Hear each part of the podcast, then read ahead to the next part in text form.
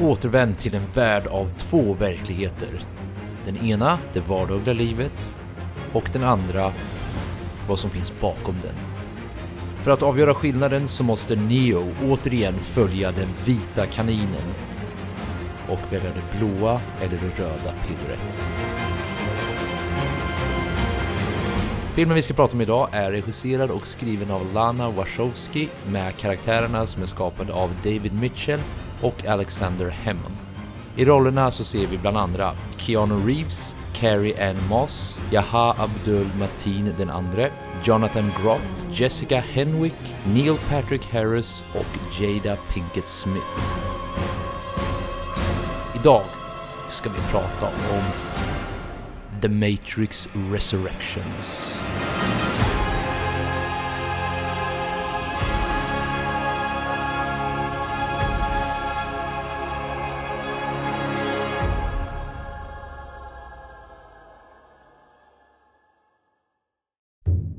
I never waited for anyone who was late more than 10 minutes in my life. I'd say 15. 15's right. No, 10. Someone has to die in order that the rest of us should value life more. You've been putting it up your whole life. You just didn't know it. Now, are you a rusher or are you a dragger? Or are you going to be on my fucking time? Rancid apple core, two worm eaten banana peels, a moldy rice cake, a dried up pickle, tin of sardine, bones of pile, of broken eggshells, an old smushed up cotton gizzard with maggots all over it. Okay, it's worth it. Nobody's civil anymore. Nobody thinks what it's like to be the other guy. Glassen till eller? Har du snott den efter det? God is the Father, and God didn't show up. Turn it down. God, Hey, who the fuck are you? he's a squirrel. Take the fucking money. Take the fucking money. Take the fucking money. Sometimes a lady likes to have some fun. Hallå allihopa och välkomna till ett nytt avsnitt av Spoilervarning med mig Joel Keskitalo och ständigt fast i simulationen. Benjamin Gabrielsson. Yes, det här är avsnitt 66 och vi har tänkt att prata om The Matrix Resurrections. Ja. Sa jag för mig att det är Resurrections, Ja, men det är det väl. eller hur? Låt mig dubbelkolla, det stämmer. Ett S på Ja, eller hur? Nu slutet. blir man lite osäker. Ja, exakt. Ja. Resurrections. Och eh, jag valde du. valde ju den här filmen, det stämmer.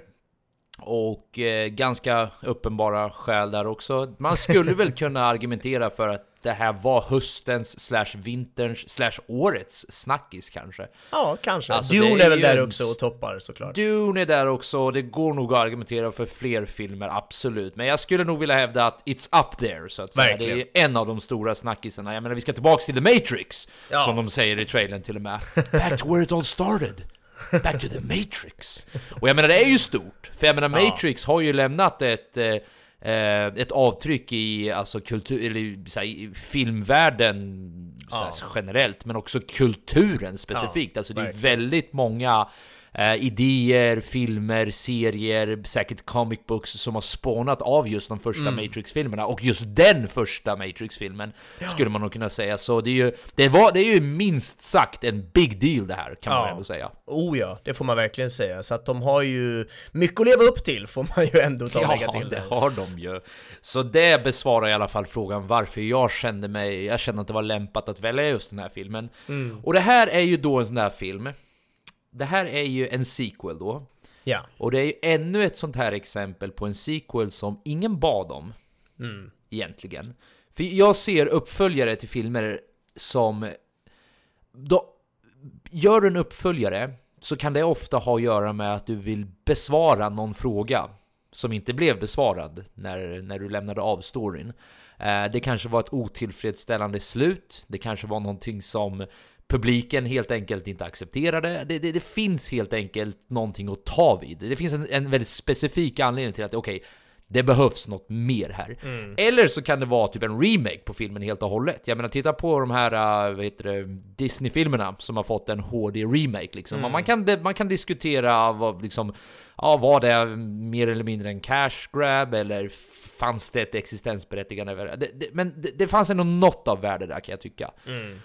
Så min tanke är nu att gör man en sequel som egentligen inte behövs. Alltså den behöver, så här, sista Matrix-filmen lämnade oss så, inte så mycket i det mörka att det var så att publiken direkt skrek efter den. Nej. Det var lång tid sedan, så folk hade mer eller mindre gått vidare. Nu, nu beskriver jag förvisso min upplevelse, men jag tror nog att den är generaliserbar på större delen av populationen.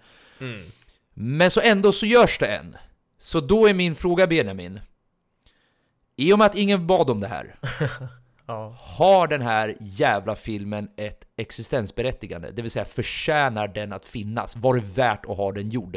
Så för att besvara den frågan tänkte jag att du kan väl få inleda lite. Vad, vad tänker du kring Matrix Resurrections?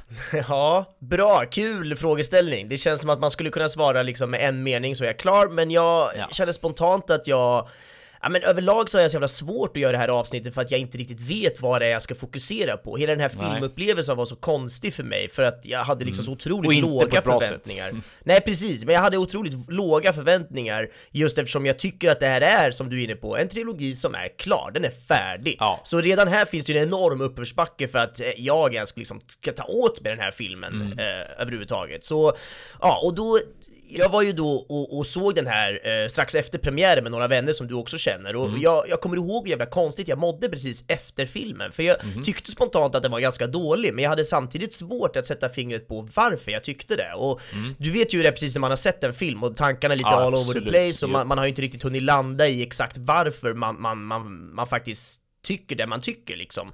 Eh, Som men- en liten side-note på precis Ja. det där du sa nu, förlåt att jag avbryter, jag vill bara ha det sagt. Kör! Men för er som är nyfikna, när du och jag började podda och när vi spelade in de absolut första avsnitten, det här var innan vi ens la upp dem online, Ja. då provade vi ju det där, kommer du ihåg det? Då provade Ja, vi att podda direkt efter ett par filmer. Ja. Och vi båda märkte att det går ju inte, tankarna har inte samlats än, de är alldeles för mycket Nej. uppe i skyn. Och det var så jävla, det var så häftigt för det var så jävla uppenbart att det inte gick också. Så, ja, du, du har helt rätt, man måste verkligen låta en film sjunka in en eller ett, ett par dagar till och med. Ja, faktiskt. Och jag minns att jag och Bagge var liksom ganska kritiska och nästan i chock för att vi inte riktigt kunde förstå vad, vad, varför det kändes så dåligt, trots att jag personligen hade så låga förväntningar inför. Ja. Samtidigt som vissa andra av vännerna inte alls tyckte att den var så dålig, och du vet, då blir du ännu mer så perplext av verkligen. vad jag faktiskt tycker här och, och ja, så jag skulle liksom göra mitt bästa att försöka förklara varför den här filmen inte fungerar för mig, och jag Ja. kommer måla med ganska breda penseldrag här, för jag skulle kunna gå in på detaljer och peka på mer specifika scener, repliker och plot holes som, som gör att den. Ja. fallerar, men jag känner att mitt budskap nog kommer bättre fram om jag bara får prata utifrån allt, liksom det hela på ett större plan. Så,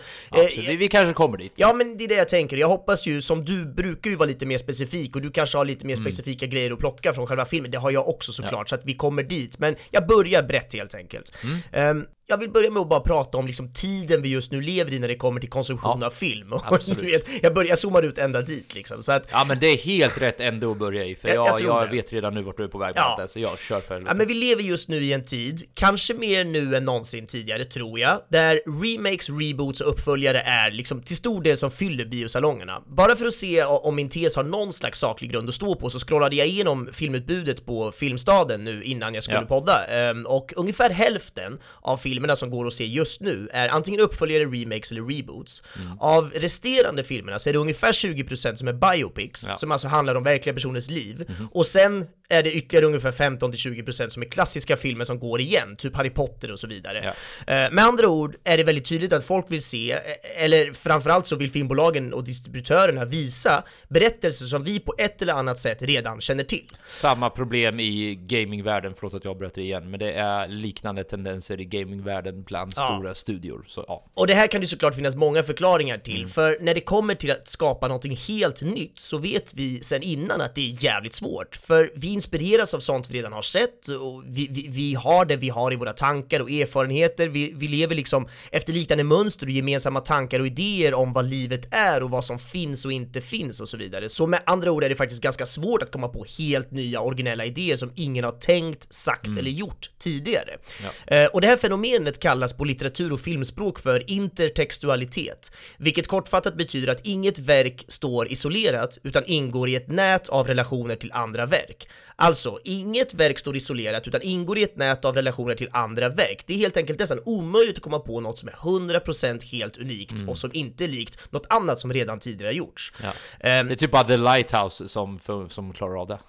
Ja exakt, ja men det händer ju då och då, det är absolut inte Ja. helt omöjligt men även sådana grejer är of- ofta liksom inspirerade på något sätt. Jag menar ett halvdåligt exempel här som jag ofta drar när jag pratar om just det här är Avatar-filmen som kom, vadå, 2009 typ? Um, Något sånt där. Då skulle ju den presentera en helt ny värld på en helt annan planet än vår egen med nya arter av växter Mm. och varelser och eh, ja, men, men, men, allt vi såg där var egentligen bara jorden fast med en twist. Ja. De här djuren som, som, rider, som de rider på är ju i själva verket en häst fast med sex ben istället för fyra. Ja. Eh, Okej, så, så vad är det jag vill ha sagt med allt det här? Jo, i en värld där vår fantasi är begränsad till våra liv och våra upplevelser, där det som är helt nytt och okänt ska Mm. tävla med tryggheten av det vi redan vet att vi tycker om, Ja. gör att det oundvikligen speglar vår konsumtion av kultur och media, Mm. ergo film i det här fallet. Och om vi dessutom då lägger till den ofrånkomliga komponenten pengar, Mm. så leder det här till att vi idag matas med väldigt mycket filmer som vi redan har sett. Ja. Och för att då knyta an det här till dagens film, The Matrix Mm. Resurrection, hade aldrig gjorts om det inte var för att Warner Bros iver att tjäna mer pengar på någonting de redan har tjänat väldigt mycket pengar på förut. Ja. En så kallad cash grab. Ja. Så för, för, för det ska ju också läggas till här att eh, Warner Bros har i över 10 år tjatat på The Wachowskis, alltså skaparna till hela Matrix-universumet, att de Mm. Ja. ska göra en uppföljare på originaltrilogin. Mm. Eh, de har gång på gång blivit erbjudna miljoner på miljoner med dollar bara för att klämma ur sig en fjärde film och The Wachowskis har gång på gång vägrat för att de verkligen är klara med det här. Ja. Matrix som filmsaga är över, det var klart, det skulle inte komma något mer. Ja, if only. Men eftersom Warner Bros äger rättigheterna för hela skiten så har ju de till slut hotat med att låta andra personer göra de här uppföljare, eller Ja. den här uppföljaren. Eh, för den kommer att göras, med eller utan The- Wachowskis. Så frågan till slut blev ju bara om The Wachowskis ville vara med på tåget eller inte. Mm. Och där gav till slut Lana, eh, den ena av de två då, med sig och tänkte att det är bättre att jag är med och styr det här åt rätt håll än att det görs på helt fel sätt eftersom det ändå kommer att göras. Och det här är så uttalat och allmänt känt att till och med filmen i sig till stor del handlar om det här. Alltså hela metaperspektivet med att de här liksom i filmen ska göra en uppföljare till det här världsberömda spelet. Eh, och det här för mig blir bara så fel redan till att börja med. Och jag tror att det är just därför jag hade så svårt att definiera varför jag inte gillade filmen precis när jag kom ut från salongen. För det, det är liksom en helhetskänsla av att den här filmen är gjord för att folk vill tjäna pengar på att den görs. Den görs liksom inte för att folk mer än allt brinner för att få berätta en story som de passionerat har skrivit på under flera år. Jag har jämfört film med musik förut, så bear with me nu, men ofta när jag lyssnar på liksom random populärmusik på radio så känner jag då och då att vissa låtar som Ja men det låter som att de liksom är gjorda i ett labb av flera människor som vill skapa den perfekta popdängan som ska låta på ett visst sätt och vara lagom svår och lagom igenkännlig. Lite som boxaren i Rocky 4 eller vad fan det är.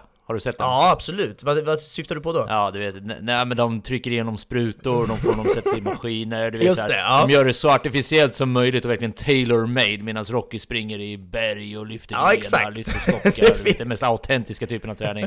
Sorry, jag vet inte om det var en långsökt jämförelse, den bara dök upp Ja men huvudet. skapa ditt labb köper jag jämförelsen med åtminstone, det, det Ja, har vi precis. det absolut. Men det, det känns liksom då i det här musikjämförelsen då så känns det liksom inte som att Mm. det finns en artist som har skrivit den här låten för att den har ett starkt och personligt budskap som de gärna vill förmedla. Och Mm. i många av de fallen tycker jag att den låten blir platt eller tråkig eller banal, vilket såklart fortfarande uppenbarligen kan vara ett, en inom citattecken bra låt. Mm. Ehm, för att den blir ju väldigt, väldigt populär.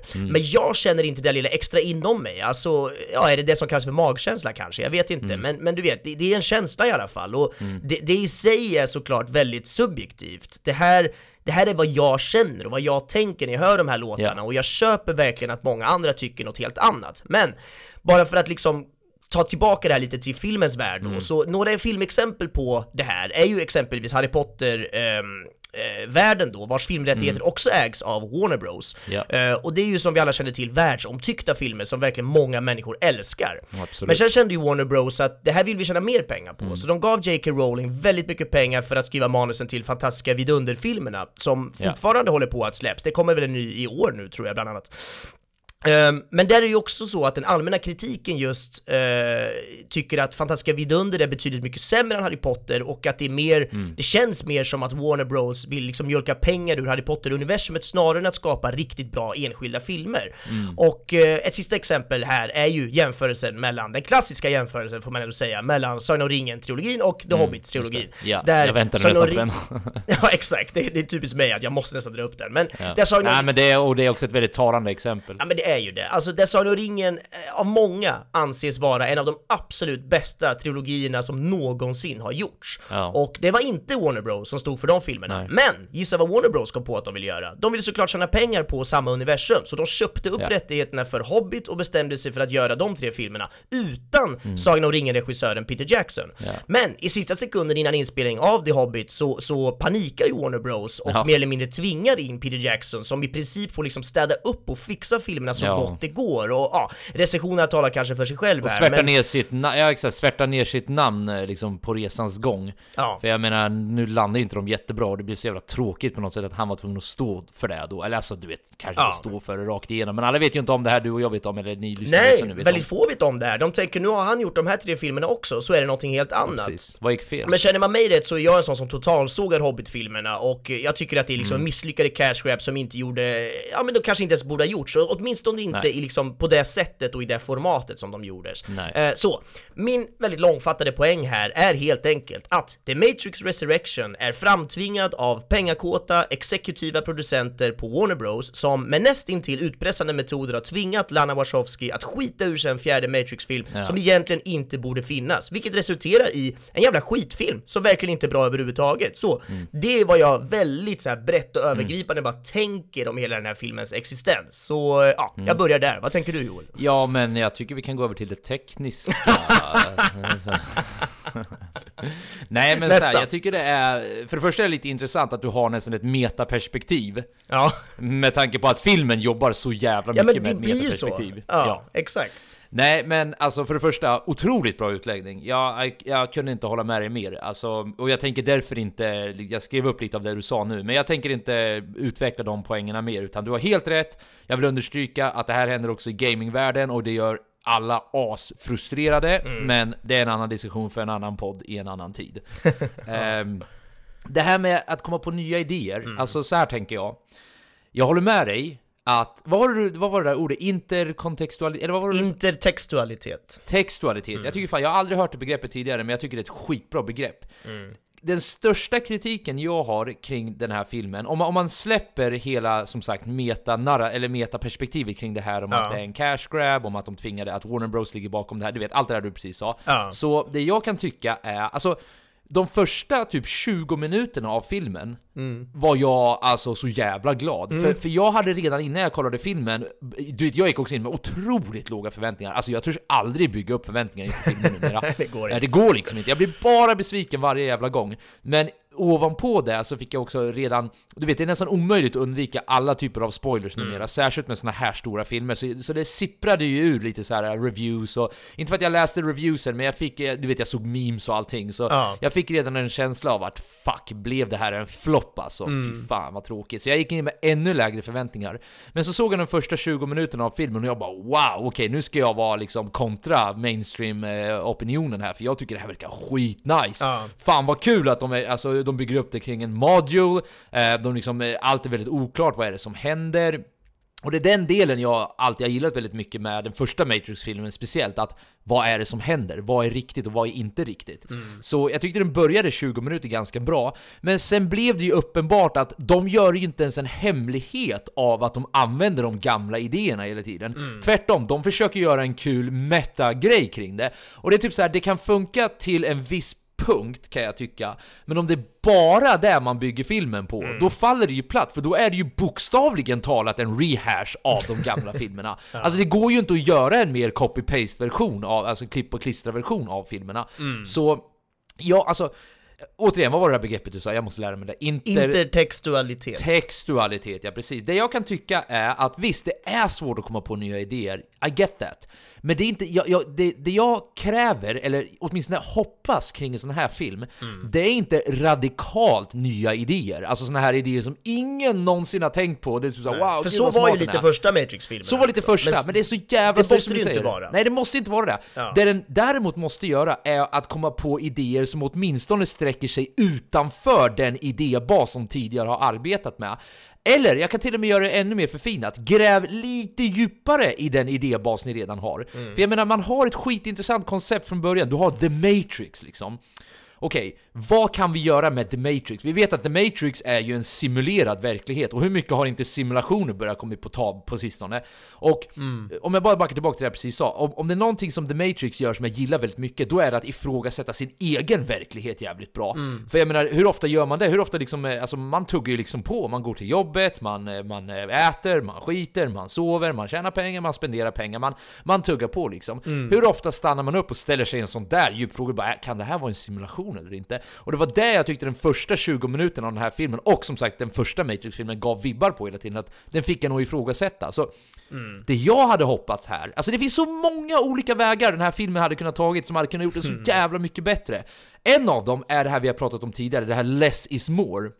Här tycker jag att de gick åt det motsatta hållet. Här överförklarade de saker Ja, hela tiden. De var hela tiden tvungna att ge oss koncept på koncept och du vet, det här är vad som händer här, vi måste göra det här, det här är vad som händer med Zion efter det, det här är vad som händer med Morpheus efter det, Trinity är här, ni blev återuppbyggda på allt det här. För mig är, för det första är de, den storyn i sig tycker jag är ganska meh. Alltså jag vet inte fan vad jag ska säga om det. Alltså att du vet, eh, maskinerna hade ett inbördeskrig. Ja. Vilket, alltså, om vi bara kan fastna i den detaljen lite. Jag tycker det är så jävla dumt. Alltså, det jag tyckte var så jävla nice med första som sagt, det var att det, var ju, det är ju en dystopisk framtid där eh, superintelligenta maskiner har erövrat världen och de använder människor som batterier.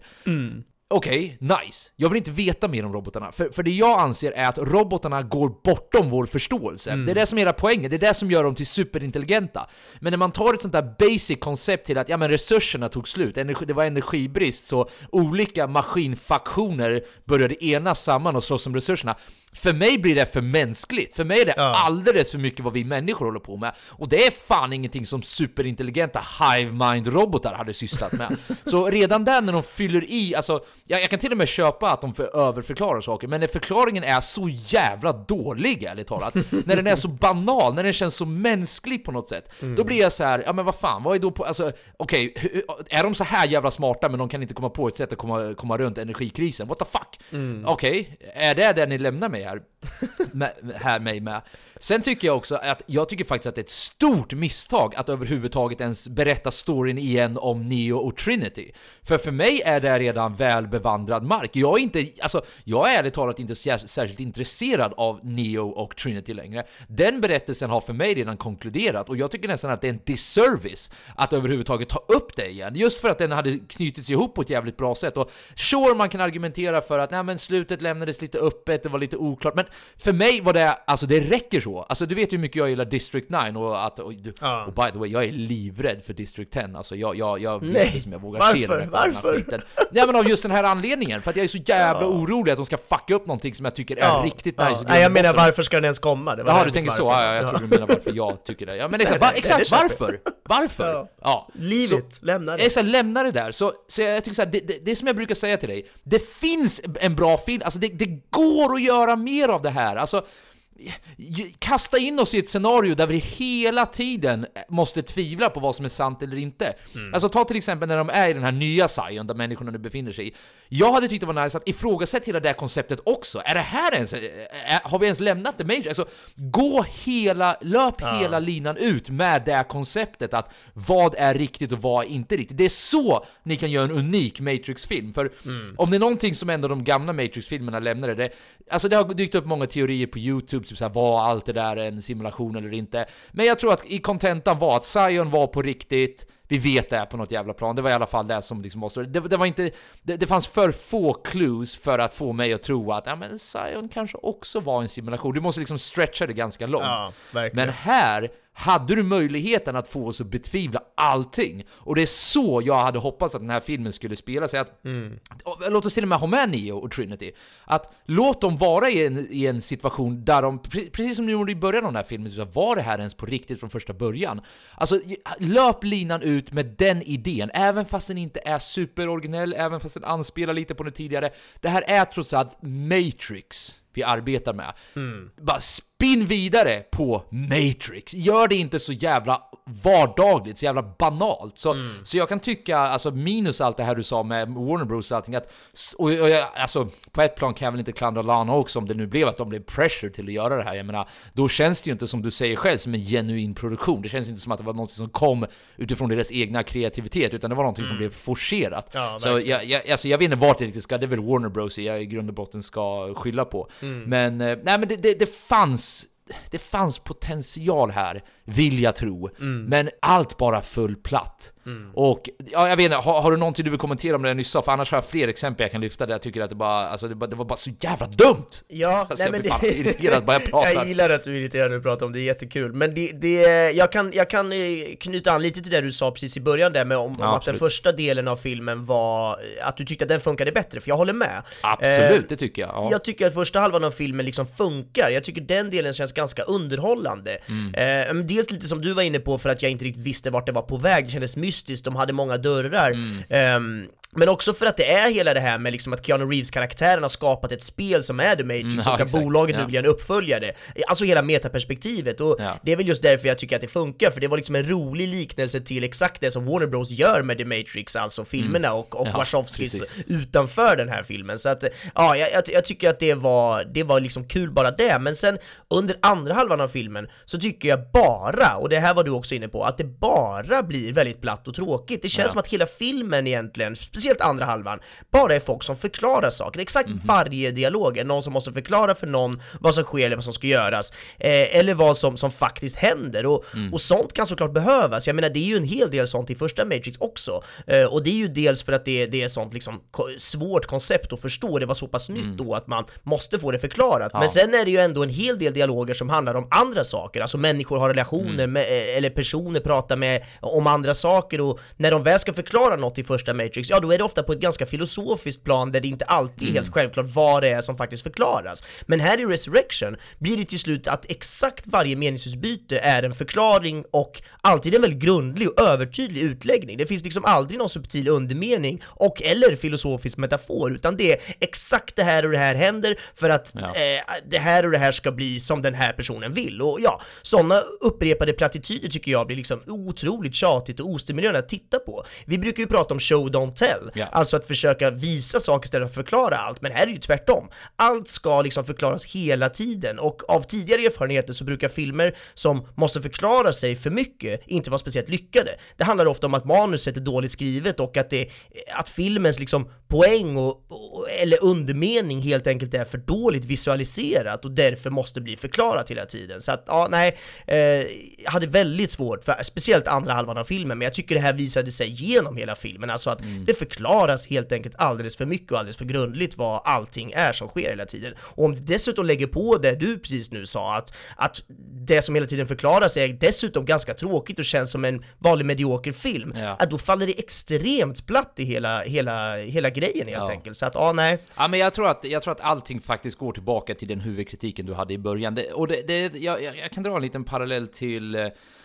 The Last Duel. Mm. Vi hade en diskussion när vi pratade om The Last Duel också, det här med hur producenter, eller regissörer och producenter inte vågar ta risker längre. Ja. Just på grund av att eh, man vill helt enkelt fylla box office med så mycket pengar som möjligt. Man vill, eh, Mm. man spottar hellre ur sig blockbusters i form av Marvel-rullar eller i form av koncept som man vet har funkat tidigare, bara för att man vill ha in de där pengarna. Ja. Vilket är ju, alltså det är ju både regissör, alltså studios, men också publikens fel. Alltså det finns ju en viss kritik i det Ridley Scott menar med att populationen typ inte vill ha, alltså man får ju ibland de filmerna man eh, vill ha, och jag menar det finns ju en anledning det funkar ju, alltså menar, Ja. de, de spottar ur sig de här filmerna för att det funkar. Hade det inte Det funkat så hade funkar, de ju slutat göra det. Så ju, folk, så att, Ja. men exakt, folk sväljer ju det här eh, liksom eh, utan, säkert helt okritiskt, men jag undrar också hur länge man kan göra det. Skitsamma, jag ska inte gå in allt för... Men, men i grund och botten tror jag att, jag tror att det är där det bottnar. Jag tror att det finns inget risktagande längre. Man kör hellre, man går hellre på en story som var mer eller mindre exakt likadan som den första, fast släng också på ett metanarrativ på allting för att liksom göra någon sorts hyllning till det första, eller kritik mot det första beroende på hur man ser på det. Jag tycker ju bara att det är, och jag har inget bra ord eh, på svenska, men en bastardization av originalet, det vill säga att man tar originalet och man gör den sämre, vilket gör att nu, nu är inte jag en sån som, eller jag är nog till viss del sån också, men du vet som kan separera de första filmerna från de andra. Utan för mig blir ju det här också canon, alltså det här blir ju storyn nu. Mm. Hur mycket jag än vill säga att ah, men den, enda, jag, den enda filmen som spelar roll för mig det är första Matrix. Ja, andra- ja men jag har ju suttit påverkade. och pratat om trilogin här hela tiden, jag kommer fortsätta säga Ja, trilogin, precis, men egentligen nu är det inte en trilogi längre, för det är en fjärde film Nej, här det är ju inte helt det. plötsligt. Ja, precis. Så, nej, så, ja, jag vet inte hur mycket man kan slå en död häst redan innan poängen kommer fram, men alltså, jag, jag, jag, jag kunde inte hålla med dig mer om att det är, det krävs, det behövdes nytänkande, och nytänkande betyder inte, behöver inte betyda revolutionerande Rick and Morty-idéer, utan det, ja, vilket i sig kanske inte är så revolutionerande nu längre, av kanske samma anledningar, vad vet jag.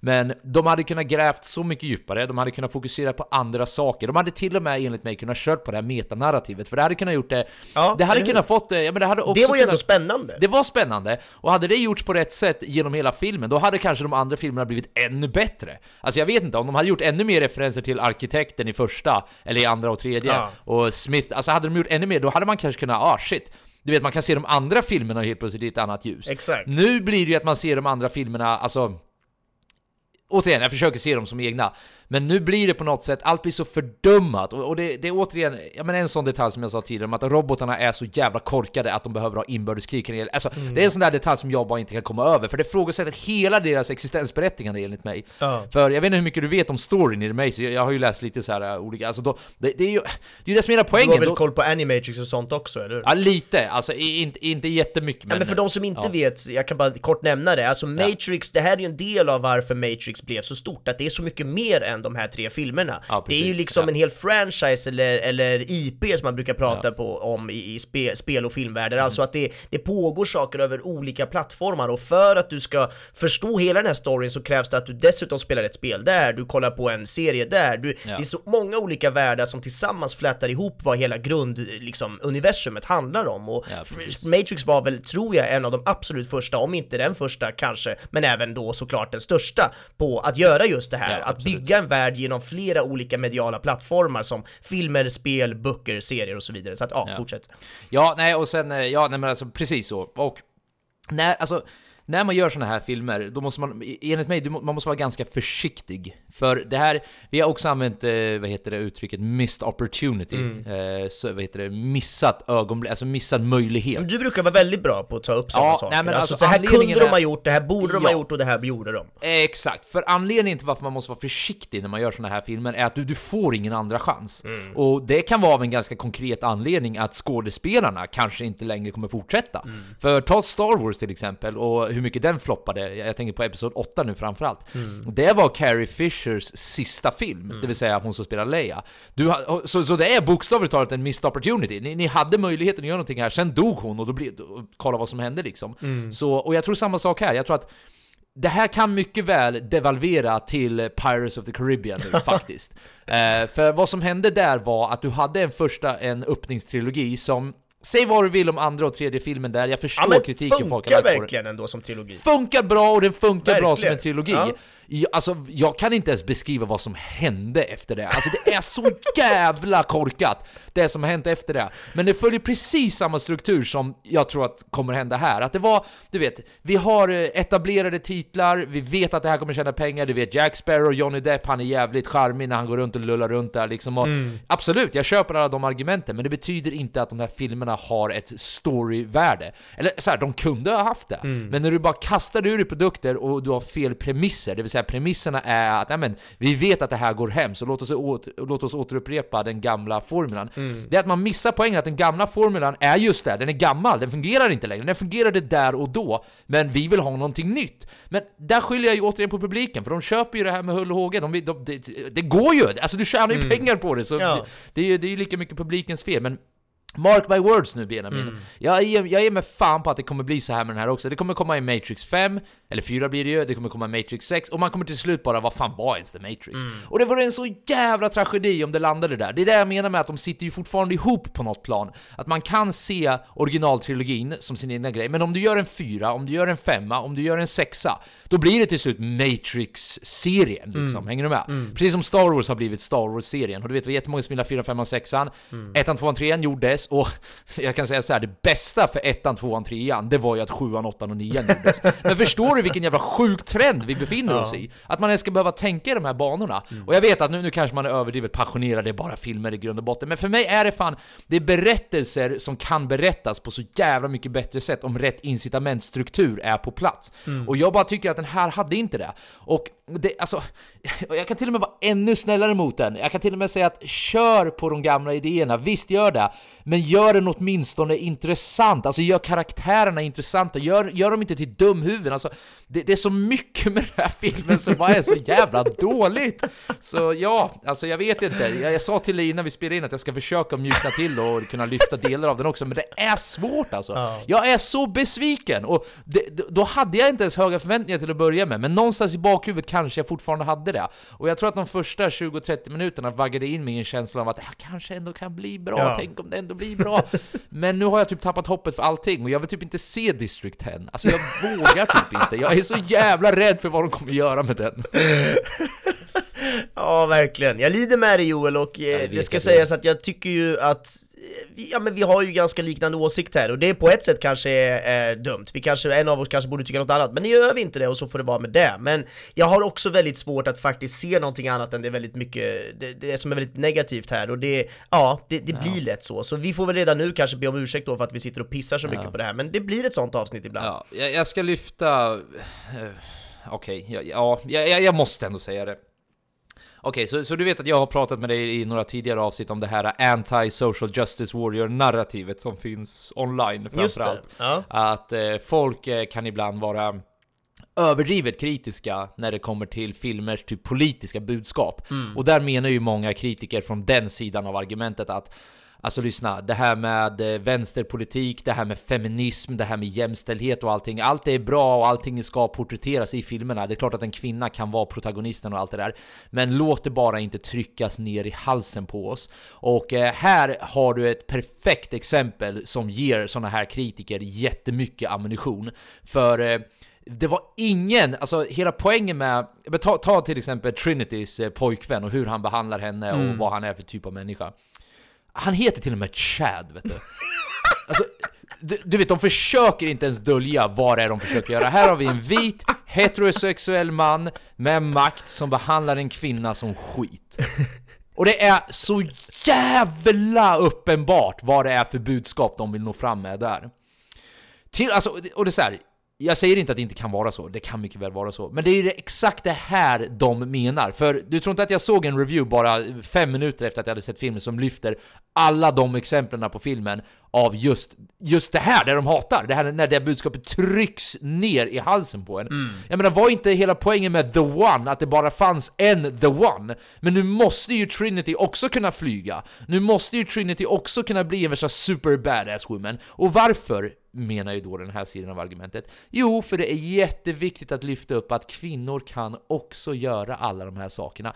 Men för mig är det så här, lyssna, Trinity var redan badass. alltså arguably så var Trinity mer badass än vad Neo var, för Trinity tog sig fram utan alla de här superkrafterna. Ja. Och det är ju det här jag tycker många gånger folk, eller så här, många manusförfattare missuppfattar med att lyfta fram kvinnlig empowerment, om du förstår vad jag menar. Alltså att lyfta fram att kvinnor också kan vara självständiga och starka. Det är att de vill göra dem till superkvinnor. Alltså de vill, de vill alltså det, det blir paradoxalt nog nästan ett nedsättande av kvinnor, för de vill tillskriva de attributen som de manliga protagonisterna hade i tidigare filmer och säga titta, vi kan också. Som att det var de kvaliteterna som var de bästa trots allt. Men då är du ju kvar i fällan ju, då är du ju Ja, fortfarande kvar i fällan av exakt. att du försöker efterlikna männen. Alltså för mig handlar det kvinnliga, alltså då är ju egentligen hon, eh, jag kommer inte ihåg, Niobe, då är hon egentligen ett bra exempel på, alltså här har vi någon som tog sig fram på egen hand, hon gick sin egen väg hela tiden, hon var inte världens mest eh, agreeable person, men hon, hon fick saker gjort och hon kritiserar män som inte fick saker gjort. På, på, hon står på solid grund i den argumentationen.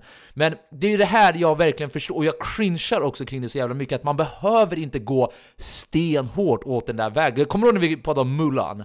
Jag hade samma, samma problem där, att ni behöver inte gå stenhårt på den maskulina vägen. Ni kan lyfta så kallade feminina attribut, för det är inget problem med feminina attribut. Problemet är när de inte kan komma till uttryck, när, liksom, när, när kvinnorna blir nedtryckta som sagt, de, de kan, de kan eh, vad heter, applicera så kallade maskulina attribut också, det är inte det jag säger. Men hela poängen är ju snarare att man vill ju se the struggle, man vill ju se hur, hur de tar sig fram. Man vill ju se hur en kvinna i en mansvärld ändå får det att funka på något sätt. För mig är det styrkan i en kvinnlig protagonist. Jag tycker inte det är nice när de trycker ner godlike power till henne bara för att visa, ja men titta kvinnan kan också vara the one. För det var aldrig hennes plats från första början och då blir det bara sådär cringe. Så ja, jag, jag ville bara lyfta fram det för att här, här har vi ett sånt där exempel som jag pratade om under tidigare poddar som folk re- som, som folk verkligen stör sig på. Och ibland så är det så här, alltså jag, jag kan typ, I can't blame them i vissa tillfällen. Nej men så efter den lilla ranten om eh, anti-social justice warrior och allting som, som egentligen inte är det, filmens största problem, jag kan leva med de problemen. Problemen är allt annat vi har pratat om. Men så om du känner dig klar med den sågningen så kanske vi kan gå in på det tekniska, eller vad tycker du? Ja, men det kan vi faktiskt göra. Yes. Ehm, filmen är filmad digitalt med en Red Komodo, Red Monster och Red Ranger-kameror. Det var lite olika av liksom Red-märkets Red. olika, ja, Red är ju det kameramärket och sen har ju de olika modeller då, de har använt olika här eh, beroende på vart i filmen de är och olika situationer och så Ja. vidare. Ehm, de har även använt Panavision Panaspeed objektiv till det här ska jag även lägga till för de som tycker om sånt. Ehm, och det är, ju, det är ju nu jag önskar att jag kunde säga, och, och här Joel, kommer det som faktiskt får den här filmen att Just bli det. något. Mm. Här kommer det här som de är bäst på, här kommer Japp. allt det snygga tekniska Ja, ja. som är helt fantastiskt. Give Men tyvärr, Nej. det, det kan jag ju inte säga här, för i ärlighetens namn så har de ju misslyckats här också. Mm. Eh, Är eller okej, så här. Det, det, det, det är liksom ganska nice CGI, alltså dataanimationer, det, det kan jag inte riktigt klaga på. Men samtidigt är det här Matrix. Jag vill inte säga att det är ganska nice CGI. Jag vill känna att jag är blown away. Ja. Jag vill känna och uppleva saker som jag inte trodde var möjligt. Men det känner jag aldrig här. Det känns i ärlighetens namn ganska mediokert och det känns okej. Men ibland till och med ganska dåligt. För Ja. det, det är klart att datatekniken har utvecklats sedan 99 när första Matrix kom. Eh, Så, så liksom upplösningen och detaljrikedomen är på sina ställen snäppet vassare än originalfilmerna. Men That's it. Det är ändå 20 år som skiljer. Och visst, det är snarare så att, att vi här borde ge cred, extra cred till hur bra de lyckades liksom för så jävla länge sedan, alltså när de första kom. Ja, jo, Ehm, att, vi ens, att vi ens kan sitta här idag och jämföra dem är ju helt otroligt. Men det, det jag saknar här är som sagt det där lilla extra, den där wow-faktorn. Det, det, det ser liksom okej ut för att vara en film som är gjord 2021. Vilket för att vara just den här filmen med den här budgeten, bara inte är tillräckligt bra. Nej. Men det jag har riktigt svårt för här är fighting-scenerna och här har jag liksom behövt googla för att förstå om det var mig det var fel Ja. på. För när vi kom ut ur biosalongen så, så nämnde jag det här till, till liksom gänget och det kändes som att vissa av vännerna inte alls kände samma sak och då började jag såklart tvivla på, på min egen originaltanke. Men Eftersom att jag har googlat och youtubat en stund så märker jag ju att det är liksom fler som har påpekat det här, alltså att det bara känns slarvigt. Det känns knappt som att de har försökt. Fighting-scenerna är tröga och ser liksom inte alls lika imponerande ut som i första filmerna. Nej. Det är dessutom jättedåligt klippt på många ställen, All, alltså liksom tempot och pacingen i hela filmen överlag, men, men framför allt när det kommer till fighting-scenerna. Det, det som fick Matrix-trilogin att sticka ut var ju just att det var liksom ganska långa klipp med sjukt avancerad liksom fighting-koreografi. Verkligen. Men, men här är det rent ut sagt dåligt många gånger. Man, man- man ser liksom slag som missar skådespelarna, man ser hur skakig kameran är med alldeles för många klipp just för att dölja den dåliga koreografin. Ehm, och här finns det många diskussioner mellan fans på internet. Vissa menar att Keanu Reeves exempelvis är 20 år äldre och därför inte lika smidig och vig som han var i, i liksom de tre första filmerna, vilket såklart till viss del stämmer. Han är äldre, men Ja. det argumentet håller ändå inte. För om man kollar på vad Keanu Reeves precis nyss har gjort, så spelar han John Wick i John Wick-filmerna. Ja. Där det är mängder av avancerad fighting Ja. och där det ser extremt mycket bättre och coolare ut och rent ut sagt verkligare ut än vad det gör här. Ehm, det som det snarare beror på tror jag är att de inte har liksom lika kompetenta personer som jobbar med det här. För jag har letat igenom, kollat och scrollat och försökt sett vad det är för folk som har jobbat med de här olika filmerna. Och spontant så ser det ut som att det är mindre rutinerade personer som har jobbat med Resurrections än vad det är som har varit på de tidigare filmerna. Alltså vad olika personer på olika positioner i filmcrewet har gjort innan de har gjort den här filmen och då samma sak på de tidigare filmerna. Men det är såklart inte säkert att det beror på just det här, det är liksom bara någonting jag försöker gräva mig fram till och hitta något svar, men troligtvis beror det liksom lika mycket på idén, manuset och planeringen och massa annat. Mm. Men apropå det här med mindre kompetens så har jag faktiskt ett konkret exempel här. Vi har eh, Chad Stahelski, eller Stahelski, Ja. eh, som, har, som var just martial arts stunt coordinator Just på Matrix-trilogin. Och som innan det tränade med bland annat Bruce Lees bror och är liksom en av de bästa i branschen på det han gör. Men som alltså inte är med och gör något sånt här i Resurrections. Ja. Det han har gjort på senare tid är ironiskt nog John Wick-filmerna, som jag nyss nämnde. Eh, Vilket såklart förklarar varför de ser så jävla otroligt häftiga ut. Så överlag är jag liksom riktigt besviken på hela den här estetiken i Där filmen. också, fan då. Inte ens, inte ens det tekniska. Ja men det finns liksom stundtals bra och snygga saker eh, också, men det liksom drunknar i allt som brister, för de, den listan är tyvärr så jävla mycket längre. De har också gått ifrån den här liksom gröna världen som Matrix-trilogin var, alltså att de filmernas grading och färgkorrigering alltid hade en grönaktig ton över sig. Ja. Eh, vilket var ett av de kanske mest tydliga signalementen från första filmerna. Eh, här i Resurrections så är det snarare blått och varmt jämfört med den gröna, något kallare som det var förut då. Men det kan jag faktiskt köpa för att det, det är ju liksom en annan typ av Matrix de är inne i Ja. och det känns ändå rimligt då att det skulle vara en annan liksom typ av färg och känsla på Mm. den. Men det jag tycker de saknar här är ju någonting som särskiljer filmen från andra filmer. Mm. Matrix-trilogin hade just den här ganska tydliga gröna tonen som gjorde att det stod ut mot allt annat som Ja, fanns. Medan Resurrections mer ser ut som en vanlig film, Mm. vilket jämfört med trilogin, originaltrilogin, liksom funkar för att det tar oss till en annan Matrix så att säga. Men jämfört med alla andra vanliga filmer som görs så ser det här ut som vad som helst. Mm. Ja. Vilket återigen känns liksom ogenomtänkt och slarvigt. Precis. De, behövde, de hade behövt vara nytänkande, för jag gillar idén du lyfter där med att Visst, vi är i The Matrix och visst, den gamla Matrix hade en väldigt distinkt grön färg, men Ja. det behöver, det, det, det är nästan nice till och med ifall de skulle mixa upp det med en ny färg. Men då får den gärna också vara distinkt, fast Mm. Ja, på sitt exakt. Mm. eget sätt, även om den skiljer sig från den första. Verkligen.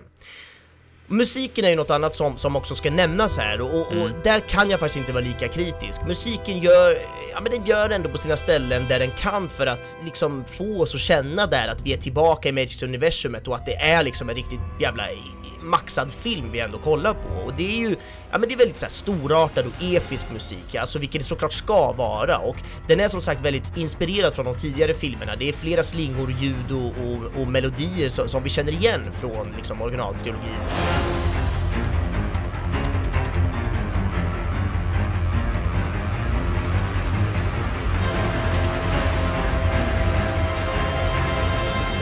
Det som kanske skiljer en del är ju att musiken här känns mer digital. Även om den i grund och botten ofta låter som en symfoniorkester så har den ändå ganska mycket eh, som känns liksom som digitala ljud skapade i datorer. Och det tycker jag funkar. Eh, för det är ju en liksom digital värld vi är inne i. Så att det känns ändå rimligt som ett, ja, men som ett rimligt val. Och när vi väl hör de här ganska klassiska pianoslingorna från förr så blir man lätt, nostalgisk. Och plötsligt känner man att vi är där och vi är där och snuddar. Vi, vi är där och nosar på något vi älskar att höra och det är ändå, ja men det är ändå härligt får jag ändå säga. Ehm, det jag vill avsluta det här segmentet med är först och främst nästan att be om ursäkt, det har jag redan gjort lite grann, men liksom både du och jag nu, vi sitter väldigt mycket och pissar på den här filmen och det kanske inte är jättekul att höra, men jag försöker ändå liksom så här klaga på saker som jag tycker är dåliga. Alltså, jag, jag försöker ju vara ärlig med min upplevelse av filmen och det jag känner. Ja. Jag vill hellre vara så transparent som möjligt och, och liksom själv försöka förstå varför den här filmen inte funkar. Och det jag ändå känner är det jag försöker på något sätt få fram här. Ehm, och om man kollar på vad kritiker och fans tycker på internet så verkar jag ju inte liksom vara ensam med att tycka så här. Men Nej. det som är riktigt intressant är att det finns en teori ehm, som ganska många verkar tycka stämmer. Och det här tycker jag är jätteroligt. Och det skulle vara att Lana Wachowski, regissören, eh, skulle ha gjort den här filmen dålig med flit för att fucka för Warner Bros. Som mer eller mindre har tvingat henne till att ta det här jobbet. Ja. Och Ja, det, det- som stärker den här tesen eh, är att just att det är så mycket i själva filmen som handlar om hur ett stort företag vill göra en uppföljare på Matrix-spelet, alltså hela det här metaperspektivet Ja, som vi har precis. pratat om. Och vissa menar då att Bugs, eh, som är en ny karaktär i Matrix i franchisen, alltså hon med blått hår som spelas av Jessica Henwick, Ja. eh, att hon skulle vara en analogi för Warner Bros. För hon vill väcka Neo igen, Precis. ta ut honom ur Matrixen igen, precis som Warner Bros vill återväcka Neo, Trinity och de andra genom att göra ytterligare en film av det hela. Bugs väcker ju då Neo, tar honom till den här staden för att få träffa Niobe som spelas av Jada Pinkett Smith, som är med i de första filmerna. Och hon skäller ju då ut Bugs och menar att hon är en idiot som gör det här och att hon fuckar med hela balansen eller något Ja, sånt. Ja. Vilket då skulle kunna vara the Wachowskis som är liksom arga på Warner Bros för att de överhuvudtaget gör den här filmen. Mm. För the Wachowskis har sagt i många intervjuer att de inte alls vill göra någon mer sån här film. Att de är helt klara med Matrix som franchise och Ja, det här, det här liksom fortsätter. Det finns massa fler ledtrådar i filmen som skulle kunna stärka den här tesen och jag menar allt som är meta som vi har nämnt och, och ja, det är helt klart en del av det här och det, jag hinner liksom inte gå in på allt det här nu för att det är så jättemycket som finns och det är väldigt spännande. Men Ja. jag länkar ett YouTube-klipp i vår Facebookgrupp för eh, er som vill liksom gräva djupare i det här för att det är faktiskt riktigt jävla spännande. Och det skulle ju kunna vara filmens enda räddning så att säga, ifall det visar sig att det var... Men det är, ja, alltså, jag kan tycka att det är lite kul ifall det nu skulle vara så, att det är lite så här. Men jag tycker fortfarande inte att... Eh, nu har inte jag tänkt klart de här tankarna, så nu provpratar jag mest bara. Men skulle man göra det, då kan man faktiskt trycka ännu mer på det. För jag håller med dig om att jag såg, man såg ju de parallellerna väldigt mycket, men å andra sidan kanske man måste göra det tillräckligt subtilt så att i så fall Warner Bros-pomparna inte lägger märke till det, eller något sånt där. För ja, det skulle vara riktigt smart om man gjorde det på det sättet, men Ah, jag vet inte riktigt om jag köper det, för det är fortfarande... Det är, alltså jag, jag köper hela idén om att de gjorde det motvilligt. Och jag kan väl köpa att det till viss del ligger en sån kritik där. Men samtidigt så, den, den var inte... Eller var den så dålig så att det är så uppenbart? Jag vet inte, jag, jag har inte tänkt klart de här tankarna nu, men jag, jag, tyvärr köper jag inte det helt och hållet, för det, det, det, det är för mycket try hard för att det skulle vara där, på vissa plan i alla fall. Men det är en intressant och en kittlande tanke, och skulle det vara så att det kommer ut på en intervju om något år sedan, bara lyssna, jag gjorde den här bara för att, som ett långfinger till hela, Ja. hela studion. Ja, då är det hatten av för visst, men ja, jag vet fan, säg bara nej, då låter nej, jag vet inte, jag vet inte, det borde inte få funnits överhuvudtaget, men om det må... Nej men det, det är ändå kul att du säger det, för jag landar liksom lite i samma sak. Jag, jag, jag, jag tänker snarare att det är liksom Hobbit-fenomenet här. Ja, alltså, exakt, att, att, det- Precis som att Peter Jackson blev inslängd i sista, sista sekunden där för att, för att rädda de filmerna, Mm. så är Lana Wachowski med här just för att kunna styra det här på något sätt, Mm. istället för att se det liksom hända ändå och utan att hon kan påverka någonting. För även, även om det kan vara så att de här algorierna stämmer, att Bugs är Warner Mm. Bros och liksom att allt om spelet de vill göra och i filmen är liksom, ja men det här med direkta metakommentaren eh, till det som sker på riktigt med Warner Bros så, så, Mm. så tror jag att det mer är, alltså liksom filmens brister bygger på att den bara inte är i närheten av lika välplanerad och genomtänkt exakt, och, som precis, originaltrilogin var. Jag menar, det, det, det är ju bara Lana som är med här och styr. Ja. Syrran Lily är ju inte ens med överhuvudtaget, vilket såklart påverkar massa. Precis som att Christopher Nolans bror Jonathan Nolan Mm. inte var med och skrev Tenet, vilket råkade bli en av Nolans svagaste filmer hittills. Mm, det. Så tror jag att liksom Lana utan Lily plus det faktumet att det är ett projekt som inte ens hon ens, inte ens ville göra Nej, och dessutom till stor del går ut på att pissa på Warner Bros som bolag. Mm. Så nej, jag tror snarare att det är liksom mer att det bara är ja, men en sämre film än de gamla av de anledningarna snarare att de faktiskt direkt medvetet gör den dåligt. Så att ja, lite där landar jag. Mm. Och jag tänker att nästan där så sätter vi punkt för min långa utläggning. Vi kan väl smyga vidare till lite skådespel kanske. Ja. Och jag har ju, alltså så här, skådespelare, det finns ju hur många som helst Ja, egentligen verkligen. att prata om. Mm. Många som är riktigt bra dessutom. Men jag vet inte om jag idag kommer orka prata om alla, utan det, det finns egentligen, jag har liksom skrivit upp tre små punkter här nu, och du, du får verkligen hata mig om det här, om jag är galen nu, men så här. men få höra. Ett. Hur fin Keanu Reeves är som Ja, är människa. bäst. vi har sagt förut att vi måste prata om honom i en podd någon gång, så att vi måste nämna några Absolut, grejer om honom ändå. ja. Mm. Eh, nummer två, hur dålig Neil Patrick Harris är som skådis. Och nummer tre, att människorna som, som castade Jonathan Groff som Agent Smith borde få sparken. Det är de tre Okej, jag vill ja. prata om. Och jag skojar obviously på sista punkten, ingen ska få sparken. Jag tror inte ens att det var deras fel, men det Nej. är ungefär där jag vill landa. Vad tänker du? Eh, ja, alltså däremot, jag håller däremot inte med om en av punkterna där faktiskt, vilket är väl lite härligt. Du, du, du gillade inte Neil Patrick, eh, Patrick Harris där alltså? Jag har så fucking svårt för den mannen Det är alltså. så, det, så. det Med all respekt till honom, Ja. jag tror att han är helt underbar och så vidare Men, men Mm, ja, nej, ja, du jag tycker bara, jag ty, nej verkligen inte Men jag tycker bara inte han är så bra skådis Jag tycker verkligen inte, han säljer inte en karaktär till mig Utan Mm. jag känner bara att det är Neil Patrick Harris som går runt och är Neil Patrick Harris Och jag menar, Mm. det hade jag kanske inte tänkt om jag inte är så skadad av liksom alla Mm. strö, de strötittade avsnitten man har sett av liksom How I Met Your Mother där han är Barney Stinson Mm. det. För att Ja. Det är ju den karaktären jag tänker på, och visst, Ja. d- d- då går det ju snarare över till att jag kanske är fast i det tänket och att det är liksom Harry Potter-fenomenet, det vill säga Daniel det. Radcliffe Ja. liksom, Mm. att man får den känslan. Men i så fall tycker jag återigen att det är de som har castat som gör fel, för varför slänger ni in honom då om man har så mycket konnotationer till honom sedan tidigare? Jag menar, det- de skulle ju aldrig kasta in Daniel Radcliffe Nej. och spela den här rollen, för att hon, man vill inte ha in Harry Potter Nej. i Matrix, det Nej. blir bara fel. Men nu får vi ju en Barney Stinson i Matrix, så att jag vet inte, jag tycker bara, det funkar bara inte för mig. Men du verkar tycka annorlunda, berätta. Ja, vad intressant. Och jag vet inte om det har att göra med att jag inte knappt har sett How, How I Met Your Mother. Alltså jag har ju sett delar av det, men det är Ja. ingenting jag har... Alltså jag har knappt någon, en referens till Neil Patrick Harris. Han har liksom dykt upp då och då, och visst, jag, jag har ju sett honom i den rollen och så vidare. Men kommer du ihåg när vi poddade om, eh, vad hette den då? Ehm, Gone Girl, så var ju han med där, Ja, och du tyckte det, inte det att han var var- bra? Nej, då var han Det inte var din bra, men kritik. En av anledningarna, tror jag, varför jag tyckte han funkade hyfsat bra här, är för att han ska ju spela en, alltså en, en vad ska man säga, han är ju the architect, fast Mm. i den här Matrix-världen. Och eh, det jag tyckte var väldigt uppfriskande, det var lite som du pratade om förut, det här med att det här är en annan typ av Matrix. Mm. Eh, du gjorde ju det i referens till färgtemat, det vill Ja, säga exakt. att ja, nu var ju den här ganska normal då, men de försökte ändå göra en annan liksom flavor av Det var något annat. Precis, Mm. av The Matrix. Och jag tyckte att The Analyst, analys, eller han eh, terapeuten då, faktiskt följde lite i det mönstret. Att jag tyckte att det här är den versionen av The Architect, eh, som jag ändå tyckte funkade hyfsat bra. Alltså problemet, det största problemet jag hade med honom, det var att han var vilket också var en större kritik jag egentligen hade tänkt att lyfta över hela filmen, att väldigt många karaktärer var väldigt goofy. Ja. Alltså de var, de var ganska löjliga, det, det, humorn var ganska dålig och det var svårt att ta någonting på allvar. Mm.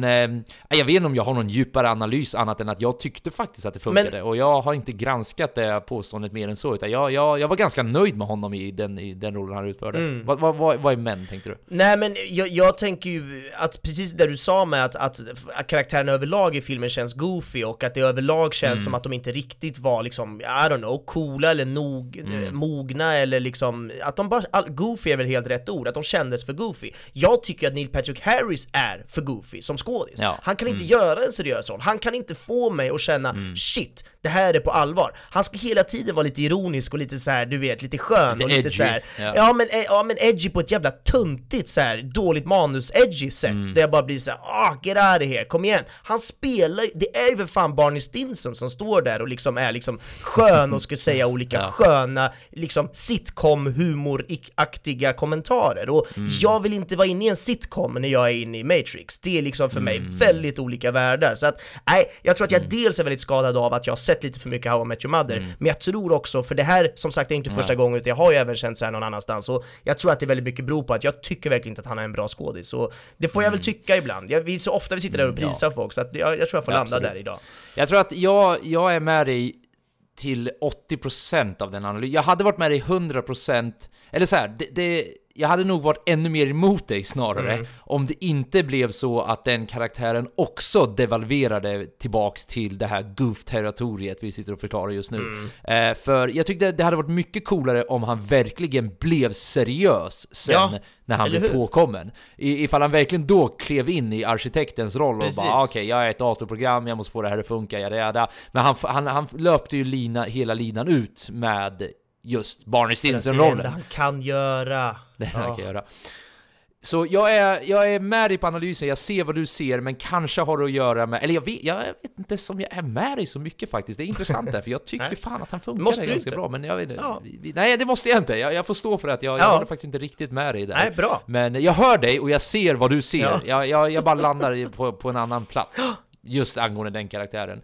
Men sen är det som du säger, Om vi bara ska lämna honom. Alltså Ja. Keanu Reeves är ju Keanu Reeves och han, han, jag tycker han är bara, som du säger, han är en sån jävla fin människa. Ja. Eh, Var det inte ännu ett exempel nu på att han donerade jättemycket pengar eh, liksom, av den här filmen till någon cancerfond eller Ja, något sånt där? ja men jag tror, är hela, bara- jag tror har- hela hans lön Ja. gick direkt iväg till Ja, något säkert. annat liksom. Nu har ju inte det så mycket kanske att göra med skådespelarinsatsen i sig, men det ger ju honom en flavor i att vart man än ser honom så är det typ så ja det är ju Keanu. Ja, men det- det, kan liksom inte gå fel. Det är något väldigt intressant med just det du säger för att det, det, det är nästan så att jag knappt vill prata om honom som skådis. Jag vill bara prata om honom som person, Nej, vilket som är helt människa. konstigt. Det är inte det vi ska göra, Ja. men jag måste ändå göra det. För de som inte vet vem Keanu Reeves är, så är ju han liksom egentligen bara en actionskådis typ. Men Mm. det han har, alltså så här, han har blivit nästan ett internetfenomen där han liksom Ja men en ikon en typ. ikon, han- en någon slags godhets... Han har blivit Neo i verkliga livet, det är väl egentligen det han har blivit, vilket är väldigt one. roligt.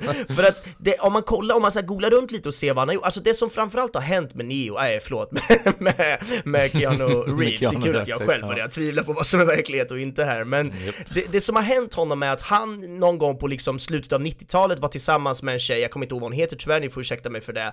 Ehm, hon eh, de fick ett barn, eller de födde ett dött barn, jag vet inte vad det heter på svenska, men du vet, det är inte missfall, men det är något annat när barn, spädbarnet kommer ut och är dött redan. Ehm, det heter ett fint ord på svenska, sorry att jag inte kan det, men skitsamma. Det var en jättetragisk liksom, upplevelse som påverkar såklart dem som par och, och Keanu Reeves som, som människa. Det som händer bara några år senare är att hon, alltså hans tjej då, eller fru eller vad de nu var, hon dör i en bilolycka. Så han har liksom båda de Jennifer här- Syme. Ja, snyggt. Jennifer Syme. Bra, det ska vi ha sagt ändå. Eh, hon dör i en bilolycka, supertragiskt. Så Keanu Reeves har liksom med sig det här i hans personlighet, det vill säga först det här Mm. dödfödda barnet och sen att hon, alltså den tjejen då, dör i en trafikolycka. Eh, det är så jävla mörkt på så många sätt och det här bär han med sig såklart. Mm. Och det på något sätt har ju landat i att han, det, det finns så många internetmemes där han liksom sitter på bänkar, Ja, så precis, parkbänkar och bara se sad Keanu, precis, att han bara är ledsen, han bara ser deprimerad ut. Och det finns ju så mycket såklart som jag nämnde nu som kan påverka eller som, som kan få oss att förstå varför han kanske känner så.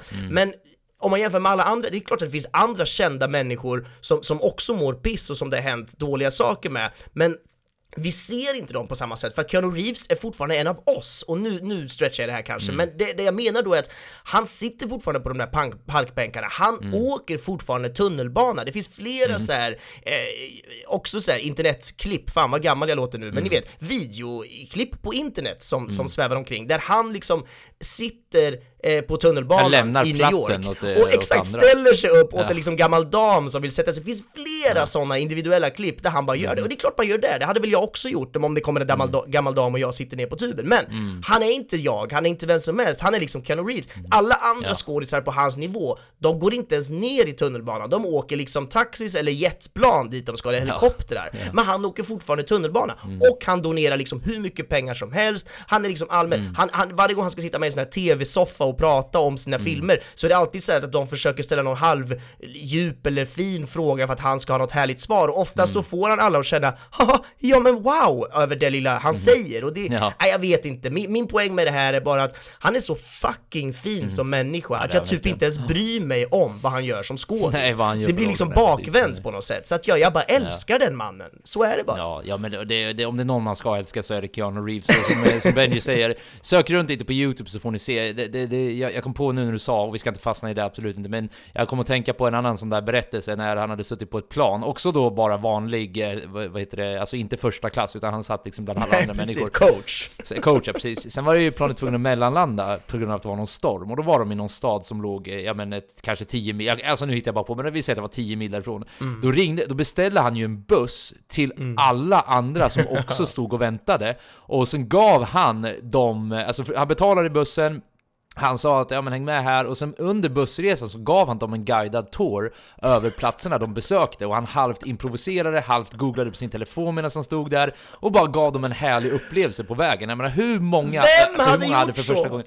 Ingen men vem annan hade i gjort hans så. kaliber hade gjort så? Med de pengar och resurser han har, så han är ju, han är ju definitionen av down to earth. Han är ju, Ja. precis som du säger, han, han är en vardaglig människa och han, han, han betonar ju det väldigt mycket också. Han säger ju jag gillar bara att spela olika roller roller, jag gillar att ha kul. Du vet, det finns flera exempel då han bjuder hela, han, han går ner i lön för att de ska ha råd med honom. Ja. Han bjuder liksom, ja men du vet, alla de här fina grejerna. Och ja, jag, Mm. jag, jag kan också betona att eh, I can't stress enough hur jävla grym han är. Nej. Och eh, ja, lika så här också. Men utan, utan att, vi, vi har spelat väldigt mycket, med, med all rätt också har vi spelat väldigt Mm. mycket med Keanu Reeves. Men jag måste bara fråga dig en grej angående skådespelarinsatserna och jag tror att det, det kan bli det sista.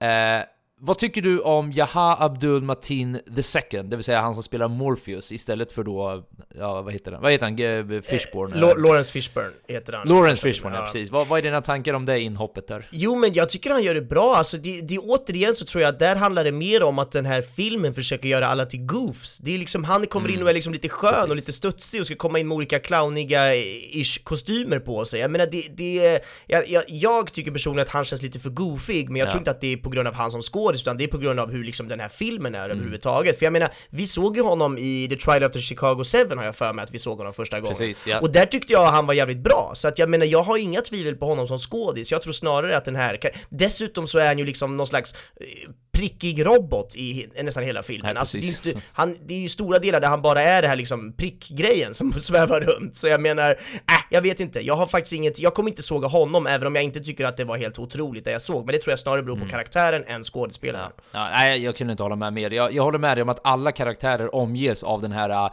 löjligheten. Och det, det, det, det, alltså, man kan göra så till en viss punkt kan jag tycka, men det här går in lite i kategorin Marvel-humor som du säkert har Jag tänkte eh, precis säga en slags disneyficering, Ja, det är väl åt det precis. hållet liksom. Mm. Och det här hände också i Star Wars-filmerna, Ja. och det är så här, det blir så jävla... Alltså det funkar i Marvel-världen, det, det köper jag, för den är i grund och botten Ja. lite goofy, även om de har seriösa inslag ganska ofta och kan faktiskt få till det där också, tror det eller ej Benjamin.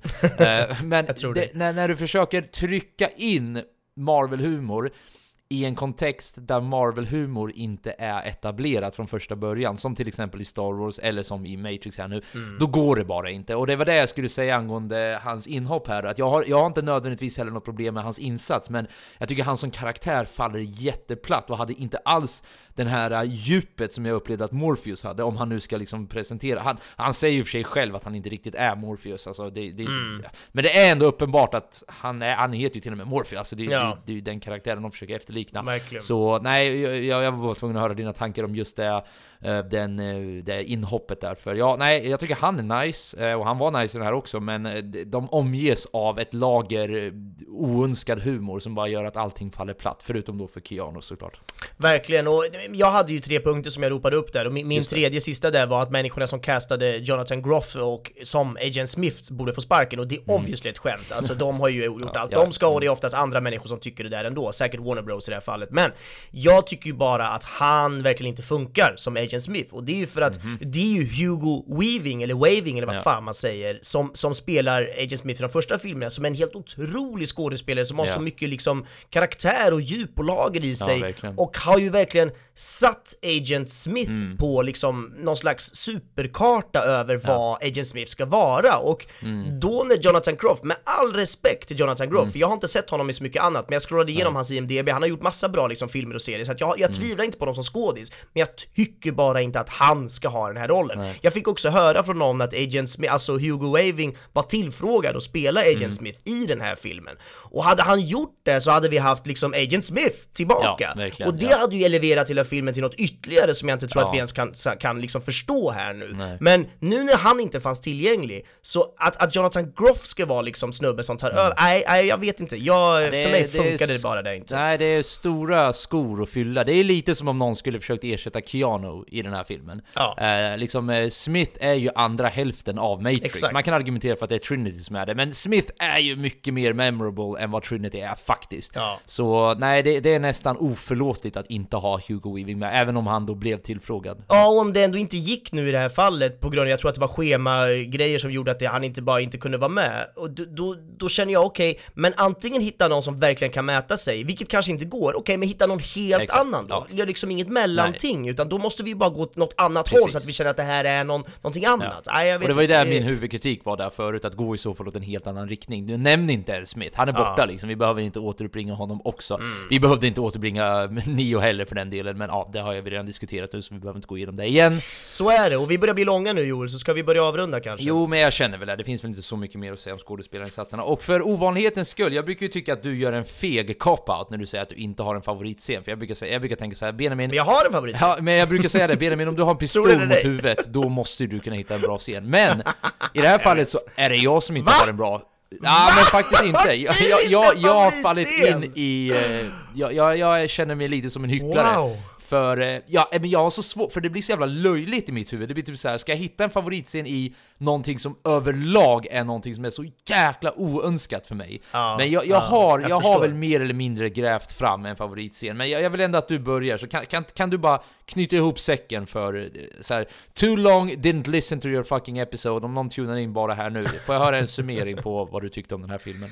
Ja men summa summarum så, så är jag väldigt eh, onöjd om man kan säga så. Jag, jag känner ju att det finns så mycket här man kan göra och det blir inte så. Och när man dessutom försöker göra någonting som inte, eller när man dessutom inte ens försöker, eller åtminstone försöker någonting dåligt. Jag vet inte ens vad de har försökt Joel, jag har liksom svårt att ens landa i det. Och Ja. någonstans så känner jag väl bara att nej, det här är för dåligt. Ni har lagt för lite tid på att göra det bra, eller ens försöka göra det bra. Och det funkar inte. Och jag kommer inte börja räkna upp exempel nu på vad det är, för det har ni hört här tidigare. Men det är från alla leden, redan till att idén ens finns, till att den liksom eh, ska liksom postproduceras. Allt däremellan är liksom slarvigt på ett eller annat sätt Ja. och det, det funkar bara inte i en sån här franchise. Så att, nej, jag är högst, högst sagt, minst sagt väldigt besviken. Ja. Och eh, min favoritscen då, eh, ja som du säger, vad då favoritscen i en film man egentligen har suttit och pissat på nu? Men, men så här, jag, jag jag- tycker ju att det här montaget i början, ganska tidigt i filmen, det är inte i början men tidigt ändå, det, då eh, vi till tonerna av White Rabbit från Jefferson Airplane får se när de här olika människorna på det här spelföretaget sitter och brainstormar idéer om uppföljaren till Matrix-spelet. Samtidigt som det korsklipps mellan scener på Keanus karaktär som liksom lever sitt liv i någon slags ja. vanföreställning om vad som är verklighet och inte och du vet han håller på med massa piller framför spegeln och han går och fikar och badar och gör massa kul samtidigt som de här människorna teoretiserar kring vad Matrix som, som spel då eh, egentligen är och vad det betyder och så vidare. Mm. Och det är antagligen precis så där som, som massa folk liksom från Warner Bros har suttit och pratat om att göra den här filmen. Eh, så att det blir massa meta där igen och det blir en del humor och jag tyckte liksom att det funkar. Jag tyckte det var roligt. Det var också under den perioden av filmen där jag faktiskt tyckte att filmen fortfarande var ganska nice. Så ja, jag landar ändå i det någonstans. Ja, och jag hade inte ens, eller jag kan väl börja med min summering. Alltså, du, du, du har tagit orden ur min mun, det går inte att säga så mycket, men det här var en oönskad, det här var en uppföljare som ingen bad om. Och som landade ungefär så pladask som jag någonstans undermedvetet typ förväntade Ja. mig att den skulle göra, även om jag in, alltså, så innerligt hoppades att den inte skulle göra det. Tyvärr. Jag tycker den är fylld med alltså, återupprepande av idéer som inte funkar i en, i en ny kontext. Jag tycker att karaktärerna är alldeles för tramsiga. Jag tycker att storyn inte är gripande. Jag tycker den nästan förstör den tidigare storyn som byggdes. Så jag vill inte gå riktigt så långt, för jag kan tycka det är lite cringe också. Jag menar, de filmerna är ju fortfarande bra liksom, vare sig du ser den här eller inte. Men, eh, ja, men en, en, eh, en kanske ganska väntad besvikelse. Och jag får väl säga att eh, jag håller med dig i ditt resonemang kring att det där, det, det var en ganska cool loop-scen där med hela den grejen, så jag får landa vid den också. Men jag gör det med med skam i hjärtat, för jag hade inte kommit på den själv, utan jag tog basically det du sa nu. Men jag är, jag är villig att hålla med om att den, den var lite cool faktiskt. Ja men kul. Jag, Jag är den idag, okej? Ja men jag är är den jag okej, det är vanligtvis okej. Jag föraktar. ska precis säga att jag blir glad att du är den idag, för det gör att jag inte bara är den som är den. Du är också den som Nej, inte ibland precis. kommer på en Jag den. Du är människa helt mycket jag plötsligt. än, ja. Jag blev Neo, du blev människa. Tack! Precis. Hörni, vi går, vi, vi går vidare då mot lite roliga fakta Ja. om filmen då, lite trivia så att säga. Fanns det något kul den här gången? Ja, okej, så vi, men vi börjar väl på en tråkig not. Alltså, Lawrence Fishburne, han eh, fick en fråga från Collider Movie News eh, om han skulle vara med i filmen. Det är alltså gamla Morpheus. Ja, precis, om han skulle spela gamla Morpheus, ja. Och eh, när han fick frågan varför han inte skulle vara med då, så svarade han att eh, intervjuaren får helt enkelt fråga Lana Wachowski om det, för han hade ingen svar själv. Han hade varken blivit tillfrågad eller... Oj, okej. Mm. Ja, det, det, det hade liksom inte ens... eh, Nej, han var inte ens påtänkt tydligen. Nej, intressant. Och eh, ja, men just för, i och med att vi är ändå i eh, Matrix så vill de ju göra allt det här kring eh, Matrix som vi pratade lite om förut. Så det finns några härliga så här, Easter eggs, eh, så här, liksom, lite detaljer som är gömda innan filmen släpptes. Så på den första teaser-trailern som visades genom sidan whatisthematrix.com så inkluderas det en scen där man får se Neos pillerask. Eh, och Eh, ja, som hans alter ego då har. På den burken så står det att medicinen heter Ontolofloxin. Mhm. Vilket låter ju som att det skulle kunna vara en, en vanlig medicin, alltså det, det, det känns som en medicinsk benämning. Men eh, granskar man det begreppet lite tydligare så är det en hint kring att hans nuvarande verklighet är eh, att det är någonting skumt med det. För ontologi, alltså Ja. ontolofloxin, ontologi betyder någonting i stil med verklighetens natur. Och att han då slänger i sig piller som hänvisar till det här är ju ett smart litet Easter egg som tittarna då skulle kunna... Men det är ju det här jag menar! Det är, det, det är ju det här du hade kunnat fyllt filmen med. Du hade ju kunnat gjort såna här hints hela tiden som får oss lys- eller tittare hela tiden och bara se, men det lite som Mr. Robot kan göra också. Nu Ja. kom det en Mr. Robot-referens. Det var okej, det var okej.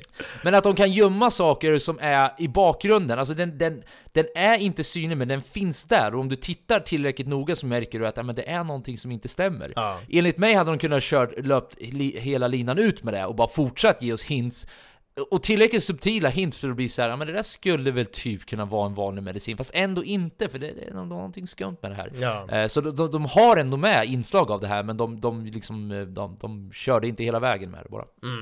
Eh, Att filma i San Francisco skapade en viss irritation bland invånarna och stadsarbetarna eftersom inspelningen tydligen skadade massa byggnader och lampor. Jättemycket alltså. och eh, precis som i andra produktioner, såsom Shang-Chi och Legenden om Tio Ringarna och Venom, Let There Be Carnage, så var, så var producenterna till filmen tvungna att betala en summa för att täcka upp allt det här. Så i Matrix fall så blev det 420 000 dollar som betalades till San Francisco Police Department så att de ens kunde få tillstånd att fortsätta filma i staden. Shit. Ja, så kan det gå. Och eh, här kommer ju då en liten grej som kanske är ett argument mot det här med att Lana Wachowski skulle ha gjort den här filmen som ett fuck you till Warner Brothers. Men hon sa i en intervju att hennes anledning till att hon ville ta tillbaka Neo Trinity var baserat på förlusten av eh, hennes båda föräldrar som dog mm, med bara fem veckors eh, mellanrum och en nära vän till henne som dog i samma period. Oj. Och eh, skrivprocessen var då ett sätt för henne att bearbeta, det här är alltså vad hon har sagt då, att, att bearbeta den här sorgen. Och hon definierar Neo och Trinity som de två mest viktiga karaktärer i hennes liv.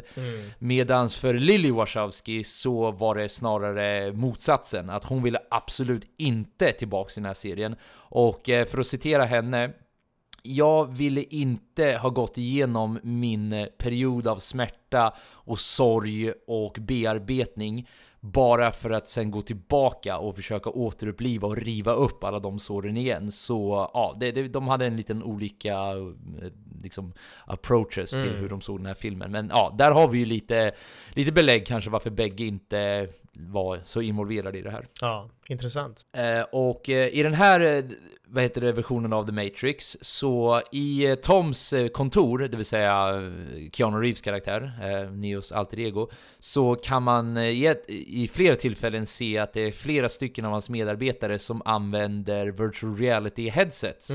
Eh, vilket då skulle vara att det är en, eller en virtuell verklighet i den virtuella verkligheten. Och där tar ju trivian slut, men där har vi ännu ett exempel som hade kunnat vara riktigt nice att utforska. För det här påminner mig lite om Inception, och utan att spoila den filmen allt för mycket, så kommer du ihåg att det finns en scen där, där de i början av filmen går de till en källare där det är typ ett 20-tal människor som är uppkopplade Ja. till drömvärlden. Och då säger, eh, vad heter det, han som in, tar ner Leonardo DiCaprios karaktär dit att eh, The dream has become the reality. Ja. Who are you to say otherwise? Och där har du ett koncept som jag tycker hade varit askul att leka med. För du och jag, vi har ju pratat ganska mycket om vilket piller hade du valt. Jag tror att alla som har sett första Matrix-filmen hade ju säkert, har ju säkert haft de diskussionerna. Och till och med första Matrix-filmen handlar ju om att en av huvudkaraktärerna väljer ju då att vara kvar i The Matrix. Och det konceptet kan jag tycka är jäkligt nice att leka med. Att vad är i slutändan den fundamentala verkligheten? För om du befinner dig i The Matrix och sen går du in i en virtuell verklighet som då, eh, liksom implied kan man ju säga, kanske också simulerar en verklighet som gör den så pass trovärdig att du inte längre vet vad som är verkligheten. Mm. Hänger du med? Ja. Det var lite det jag menade förut med att till och med när du är tillbaka i Zion, hur vet du ens att det är den riktiga verkligheten? Ja. För, för om du kan simulera verkligheten så pass trovärdigt i The Matrix, vad är då den absolut sanna verkligheten? Det är ju det här jag hade hoppats att de hade lekt vidare med. Hur vet vi att någonting ens är sant? Alltså det är ju den fundamentala frågan vi själva kan ställa oss själva också. Hur vet vi att allt det här inte är en dröm? Eller hur vet vi att det här inte är en simulation? Det, där, det- det konceptet är väldigt tidsenligt, till, till exempel genom serier som Rick and Morty. Så det var lite det också jag menade med att jag sa att man behöver inte komma på nya idéer helt och hållet, utan man kan ta de idéer man har, fast dyka djupare i dem och utforska dem mer och se vad som finns där. Så Kanske en liten halvtråkig trivia, för det var bara ett konstaterande, men jag ville lyfta det just för att det, det, det där är ett exempel på hur man hade kunnat gjort den här filmen väldigt fräsch, enligt Ja, mig. verkligen, jag håller med. Och eh, Trinitys alter ego Tiffany är gift med en karaktär som heter Chad, då, ja vi behöver inte gå in mer på det, men eh, som spelas av, och det här har vi också nämnt lite, av Chad Stahelski, Sta- Stahelski Ja, det är han! Man säger det. Vad roligt. det är han ja, De var ju med honom som Eh, skådis istället för att ha med honom som liksom, Ja, stundkoordinator. precis. Exakt, för du nämnde ju honom tidigare. Ja. För han är ju då, tillsammans med Keanu Reeves, den som regisserade John Wick-filmerna. Mm. Han var, precis som du sa förut också, Keanu Reeves stunt double i originalteorin. Så man kan basically säga att Trinity alltså indirekt var gift med Neo där också. Alltså i och med att han då spelade Neo tidigare. Och en sista då, då som också är en sån där Easter egg som ja, var dold på ett snyggt sätt men som hade kunnat utvecklas ännu mer. Så analyster, alltså Neil Patrick Harris, eh, Neil Patrick Harris karaktärs katt heter ju då Deja Vu. Eh, vilket är... ehm, En direkt referens till första filmen när Exakt. Neo ser en svart katt och exakt, säger Så- déjà ja, vu, så för den går ju förbi ja, två precis. gånger och de bara what? Precis. What is exactly Ja. the same? Ja, jag behöver inte referera den filmen men fan vad bra! Nu vill jag kolla på den igen! Ja, men det vill man ju typ nästan. Och glömma bort att den här existerade. Ja, nej, jag hade inte så många mer Men vänta, så. vad, förlåt, vad var, det, vad var det med katten? Jag Nej, fattade bara- inte bara Alltså bara konstaterade att den katten heter så för att det är en referens. Exakt, Ja, och, och jag lyfte upp Bra, det som ett snyggt. exempel på ännu en sån där liten härlig eh, som med pillerna, att eh, de lägger såna här hints Ja. lite här och var och hade man fortsatt spela på det här då hade man kanske själv fått lista ut att okej, är det här riktigt, är det här inte Jag vet inte, jag kanske gör för stor grej av det Men i alla fall, det var ännu ett sånt där Nej, men jag är exempel med. Det finns verkligen ett lager där man kan gräva i, absolut.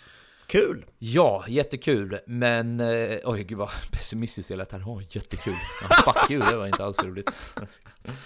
Eh, nej, men jag, eh, Benjamin, jag känner mig ärligt talat ganska matt. Eh, jag hoppas att ni fann något värde av den här podden. Jag vet att vi lät väldigt så, men precis som du sa tidigare, jag tyckte du sa det väldigt bra. Alltså, vi försöker ju bara, vi är ju inga professionella filmkritiker och även om vi hade varit det så hade vi fortfarande behövt vara ärliga. Men vi försöker ju bara förmedla våra ärliga tankar och känslor kring det här och eh, ja, tyvärr, det var bara inte bra den här gången. Så är det, verkligen. Det får vi stå för. Men det kanske blir bättre nästa gång. Vad, vad har vi på agendan nästa gång? Vad, vad är nästa film? Vad, vad, vad är filmtipset vi skickar iväg nu? Nästa film kommer att vara Don't Look Up Mm. Som alltså kom 2021 ganska nyss på Netflix Precis. Det är den här, eh, ja, komedin som är ganska stjärnspäckad får man väl säga Det är liksom jättemånga kända namn Verkligen. Ehm, Ja men bland annat eh, Jennifer Lawrence, Leonardo DiCaprio, Meryl Streep Mm. och så vidare Så att det, ja, den kan man verkligen gå in och kolla på om man vill på Netflix, enkelt att hitta Så den kör vi nästa gång Och eh, vi är också förhållandevis enkla att hitta, eller hur? Det är vi. Vi finns ju där poddar finns, vilket är jättebra och där får man gärna prenumerera och ratea oss så att vi får liksom, ja, så att ni hittar hittar oss enkelt och att vi får liksom lite app, eh, positiv upp, eh, uppströmning så att säga. Men framförallt så finns vi också på Facebook där vi heter Spoilervarning och där lägger vi upp kommande filmer, vart man kan se dem på ett smidigt sätt och lite allmänt sådär här smått och gott. Jag kommer ju länka den här eh, liksom infogrejen eller spekulationerna, tesen som, som vissa driver om att Lana Wachowski skulle ha, ha gjort den här filmen dåligt med flit. Så att det, det är liksom massa sånt smått och gott som går att hitta i den här Facebookgruppen. Så följ oss där, spoilervarning! Tusen tack för att ni har lyssnat och eh, vi hörs igen om två veckor. Ha det bra allihopa! Ha det! Hej då!